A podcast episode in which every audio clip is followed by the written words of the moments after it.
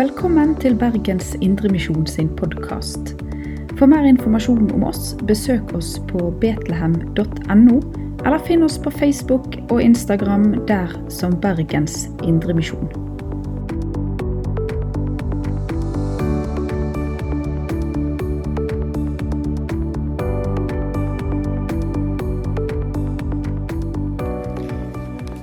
Velkommen til gudstjeneste og god søndag. Det er jo slik at eh, vi er under litt spesielle forhold, og det gjør at eh, noe av søndagens karakter blir borte når Guds folk ikke kan samles. Søndagen er en dag hvor Guds folke samles for å høre hva Gud har å si. Nå er vi litt spredt rundt omkring, og eh, vi vet at det ord som bæres frem, det kan nå langt utover dette rom, og til alle dere som også hører på der hvor du sitter. Herre Jesus, vi ber om at du levendegjør ordet ditt for oss. Og vi ber, Herre, om at du når inn i vårt hjerte og vårt sinn, slik at du får tale til oss. Og så ber vi, Herre, om at du skaper en lengsel i våre hjerter, både etter å møte deg, men også etter å være sammen med de som bekjenner ditt navn, og sammen vil lovprise deg, Herre. Så ber vi, Herre, for det som nå skal bæres frem, at du ved din ånd griper ordet og bruker det som et redskap for det du vil, Herre. Amen. Prekenteksten for denne søndag er fra Markusevangeliet, kapittel 10, og det er slutten på en samtale mellom Jesus og disiplene, og der står det fra vers 28. Da tok Peter til orde og sa, Hva med oss? Vi har forlatt alt og fulgt deg. Jesus svarte, Sannelig, jeg sier dere, enhver som har forlatt huset eller brødre eller søstre eller mor eller far eller barn eller åker, for min skyld og for evangeliets skyld, skal få hundre ganger så mye igjen. I den tid som nå er, skal han få hus, brødre, søstre, mødre, barn og åker, men også forfølgelse. Og i den kommende verden evig liv. Mange av de første skal bli de siste, og de siste skal bli de første. Det er altså et utdrag av en disippelsamtale, det vi har lest. Og Bakgrunnen for denne samtalen finner vi litt lenger fremme i dette kapitlet, ifra en kjent situasjon som jeg tror dere alle vil huske. Situasjonen er den at det er en rik mann som kommer løpende til Jesus og har et spørsmål som brenner i hans hjerte og sinn. Gode mester, hva skal jeg gjøre for å arve evig liv? Og det evige liv som han er opptatt av, det er det liv som favner bak både død og grav. Det er den fremtid som Gud vil skape for sitt folk, full av Guds godhet, kjærlighet og gaver. Og denne situasjonen som der er, den skaper altså en intens utfordrende samtale mellom Jesus og disiplene.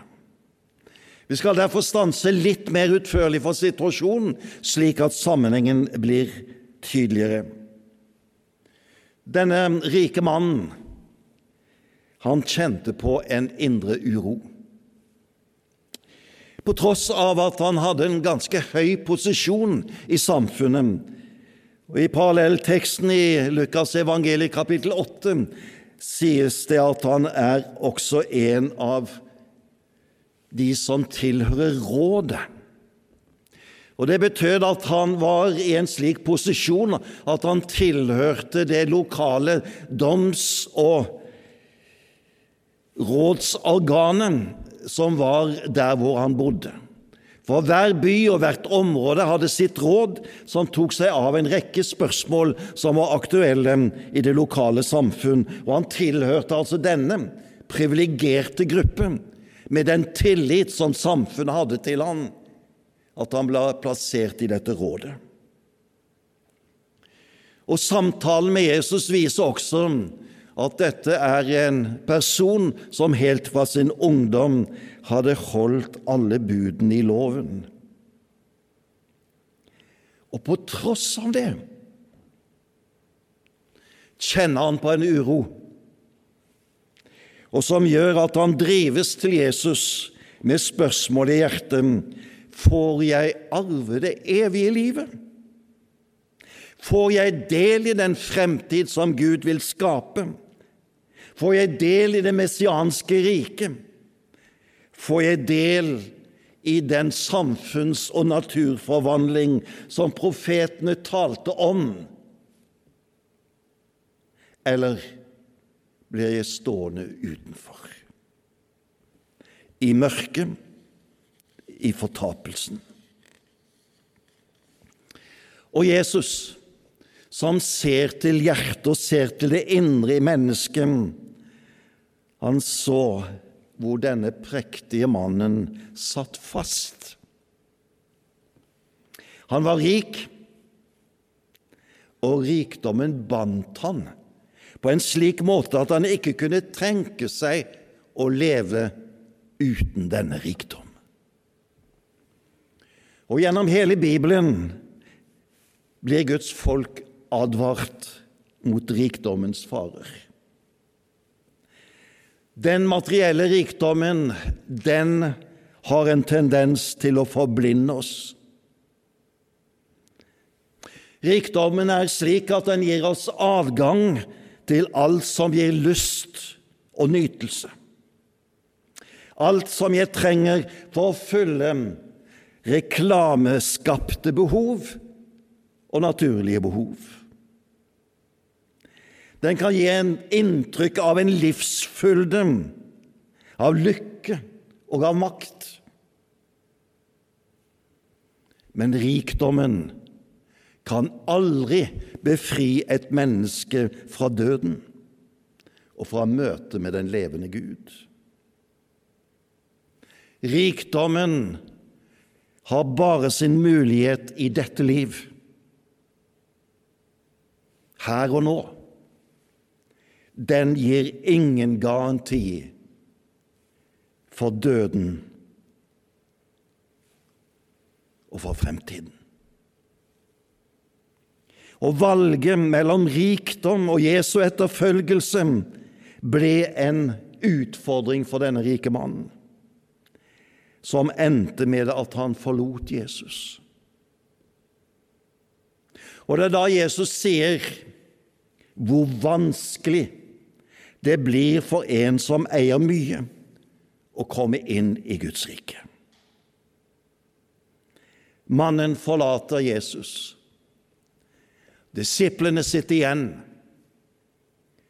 og hodene er fullt av spørsmål. De er forskrekket, og Jesus gjør det egentlig enda vanskeligere for dem når han sier det er lettere for en kamel å gå gjennom et nåleøye enn for en rik å komme inn i Guds rike. Og denne umulighet får da denne konklusjon for mennesker er det umulig, men ikke for Gud. Og det er da Peter griper ordet på vegne av disiplene. Hva med oss? Vi har forlatt alt. Hva med oss? Og Når vi leser evangeliene, så ser vi jo at det var slik som Peter sier, De forlot alt. Peter, Andreas, Jakob og Johannes forlot fiskebåten ved Genesaretsjøen. Levi eller Matteus, som satt på tollboden, forlot tollboden og fulgte Jesus. Alle disiplene gjorde det. De fulgte kallet i et radikalt oppbrudd. Når Jesus forkynte 'Guds rike er kommet nær, følg meg', så gikk de.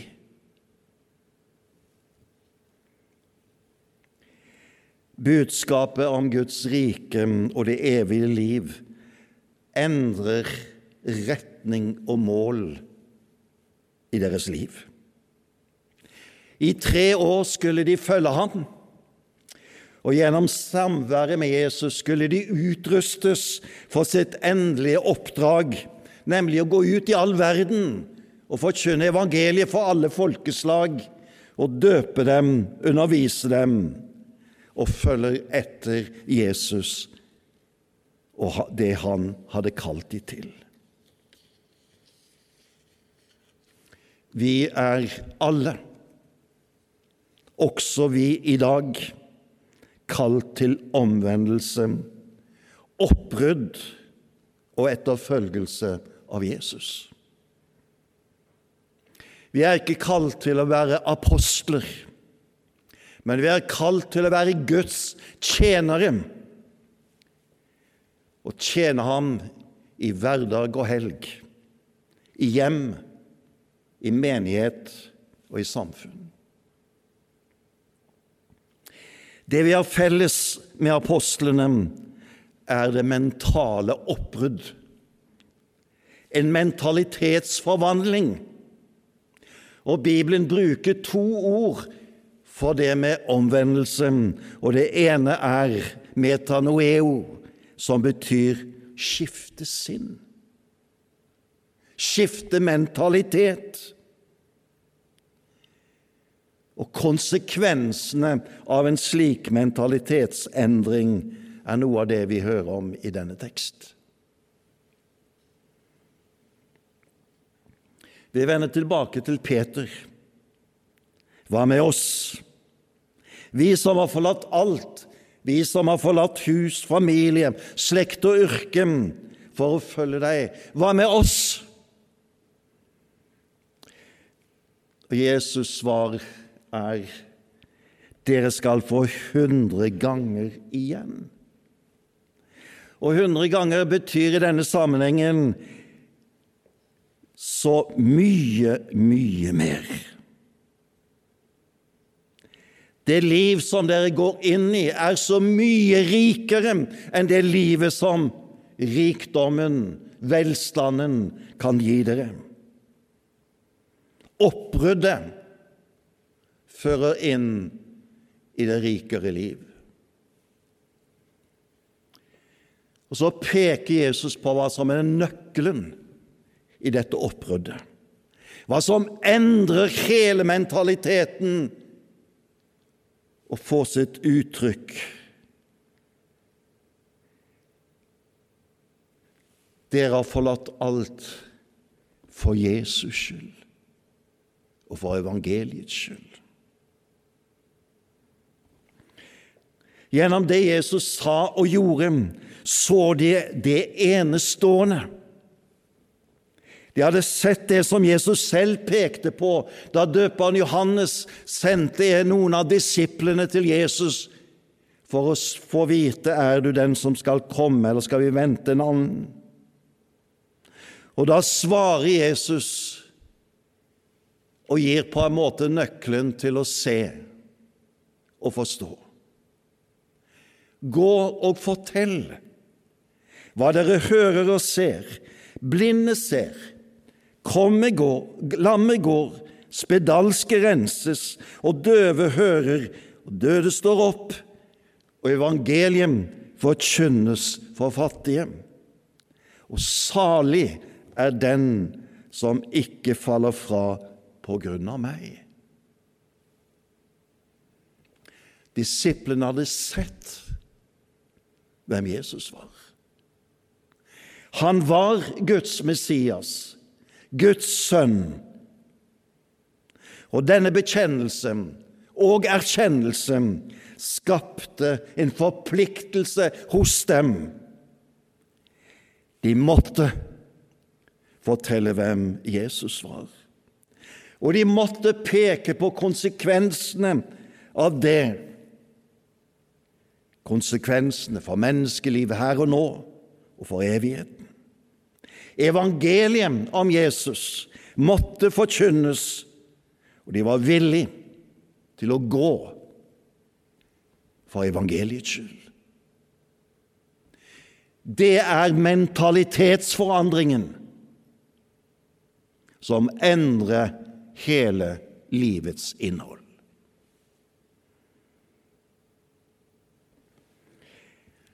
Apostlenes tjeneste var en enestående tjeneste i frelseshistorien.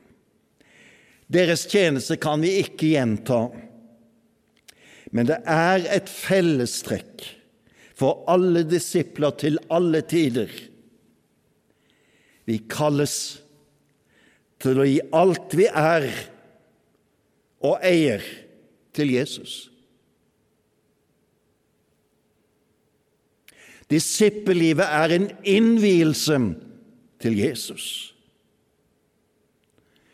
Og Paulus skriver til menigheten i Rom at de skal bære seg selv frem som et levende og hellig offer til glede for Gud.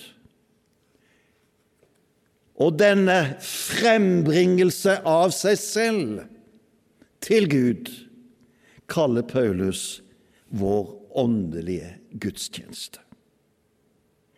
Denne gudstjenesten forener oss og gjør oss til et åndelig fellesskap, til en Guds forsamling, til Kristi legeme. Som personer med forskjellighet kalles vi til å gi det vi har av utrustning, av kunnskaper, av tid og våre krefter, vårt gods og gull, til Ham og til den tjeneste Han kaller oss til. Det er slik vi er lemmer på Kristi legeme.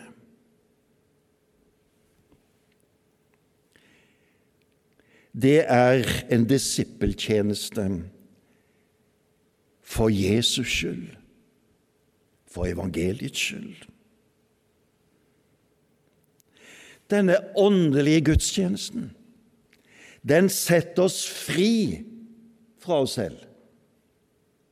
Fri fra våre penger, fri fra våre materielle verdier. Ikke for å gjøre oss til asket til munk eller eneboer, men for å gjøre oss selv og alt vi eier, til en tjener for Jesus og for evangeliet. Friheten ifra trelldom og bundethet under det materielle gjør oss til frie tjenere for ham.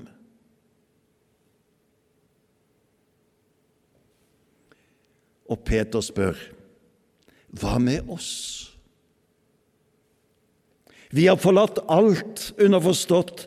Hva får vi tilbake? Og Jesus svarer på det spørsmålet. For den som gir sitt liv til Jesus, får del i Guds rikets gaver. I sitt svar løfter Jesus frem Guds gaver både for dette livet og for det kommende. Først sier han i denne tid som nå er, skal disiplene få alt de trenger. Med andre ord, de skal få hus og hjem, familie og venner, åker og arbeid det er jo et kjempeløfte. For livet som vi lever på jorden, Ser vi litt isolert på et slikt utsagn, kan det Å ta det ut av sin sammenheng, så kunne en lett tolke dette som en form for framgangsteologi, et løfte om lykke og velstand. Men den som tenker slik, glemmer at sammenhengen i denne velsignelsen er omvendelsen til Jesus som frelser og Herre. Og at omvendelse innebærer å gi alt til Jesus. Det er omvendelsens sanne sinnelag. Det er dette sinnelaget som styrer forvaltningen av Guds velsignelser, også når velsignelsen innebærer hus, familie, barn, slekt og arbeid. Da blir dette en gave som skal tjene min nærmeste, mine naboer, det samfunnet jeg lever i, min neste, nær og fjern, og det skal tjene min Herre og Frelser. Dette gjør disippellivet her og nå til en rikdom for Guds rike og for menigheten, for Kristi legeme. Det er den åndelige gudstjenesten vi er kalt inn til. Så har Jesus en viktig tilføyelse i dette. Velsign dette velsignelseslivet skal leves ut i den verden som ligger i det onde. Derfor vil også forfølgelsen kunne bli en del av disippellivet.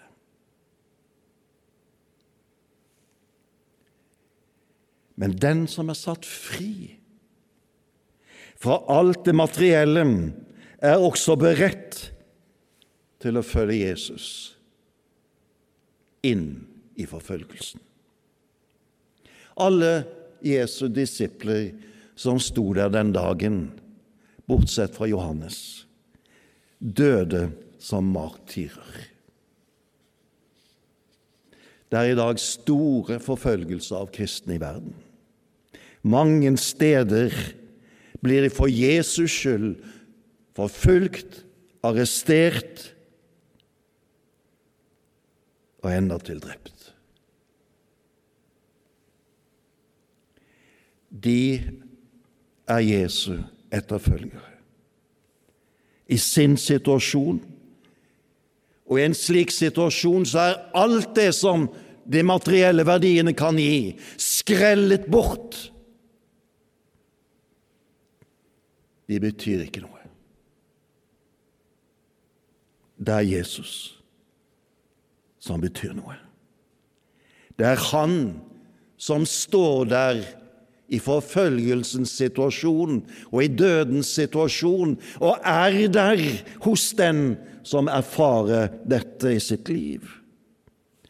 Og han er der for å gi kraft og styrke slik at løpet fullføres. Se, jeg er med dere, sa Jesus. Og den andre siden av det løftet som da Jesus gir om Guds gaver, rekke bak både død og grav. Jesus taler her, ser du, om det kommende riket, den kommende verden, en verden med evig liv. Dette hadde profetene talt om i Det gamle testamentet. Dette talte Jesus om, og dette gjennomsyrer hele Det nye testamentet. Den som er i fellesskap med Jesus, som hans disippel skal også få del i Jesu endetidsgjerning. Den kommende verden er den verden som Jesus bringer med seg i endetiden når han kommer igjen. Jesus skal fullføre frelseshistoriens plan. Det skal stige frem en ny himmel og en ny jord hvor rettferdighet bor, renset fra synd, urett og djevelens makt. Da skal Guds folk reises opp fra de døde og bli ikledd sint oppstandelseslegeme i likhet med Jesu egen oppstandelse. Når Jesus kommer igjen i sin herlighet, vil alle trengsler, forfølgelser og forførelser være forbi. Det er dagen da Guds folk jubler i glede. Og helt annerledes går det med dem som har forkastet Jesus og budskapet om ham. For dem er det en dag til dom. Vi skal avslutte denne prekenen med å lese et lite tekstavsnitt fra Paulus sitt annet brev til menigheten Tessaloniker, som omtaler denne dagen da han kommer igjen, og hvordan den blir mottatt. Fra 2. Tessalonikerbrev, kapittel 1. Slik blir det når Herren Jesus åpenbarer seg fra himmelen sammen med sine mektige engler i flammende ild og straffer dem som ikke kjenner Gud, og den som ikke er lydig mot vår Herre Jesu evangelium. Straffen deres blir en evig fortapelse, borte fra Herrens ansikt og fra Hans herlighet og makt. Den dagen Han kommer for å bli lovprist blant alle sine hellige og hyllet av alle som tror. Dere har trodd det vitnesbyrd vi gav dere. Kjære venn, må Jesus få være din frelser og Herre. Da settes du fri til å tjene Ham og til å bli velsignet av Ham i dette liv og i det kommende. Herre Jesus, takk for dine løfter. Takk fordi at du kommer. Takk fordi at vi skal få være med og lovprise deg. Amen. Du har lytta til Bergens Indremisjon sin podkast. For mer informasjon om oss, besøk oss på betlehem.no, eller finn oss på Facebook og Instagram der som Bergens Indremisjon.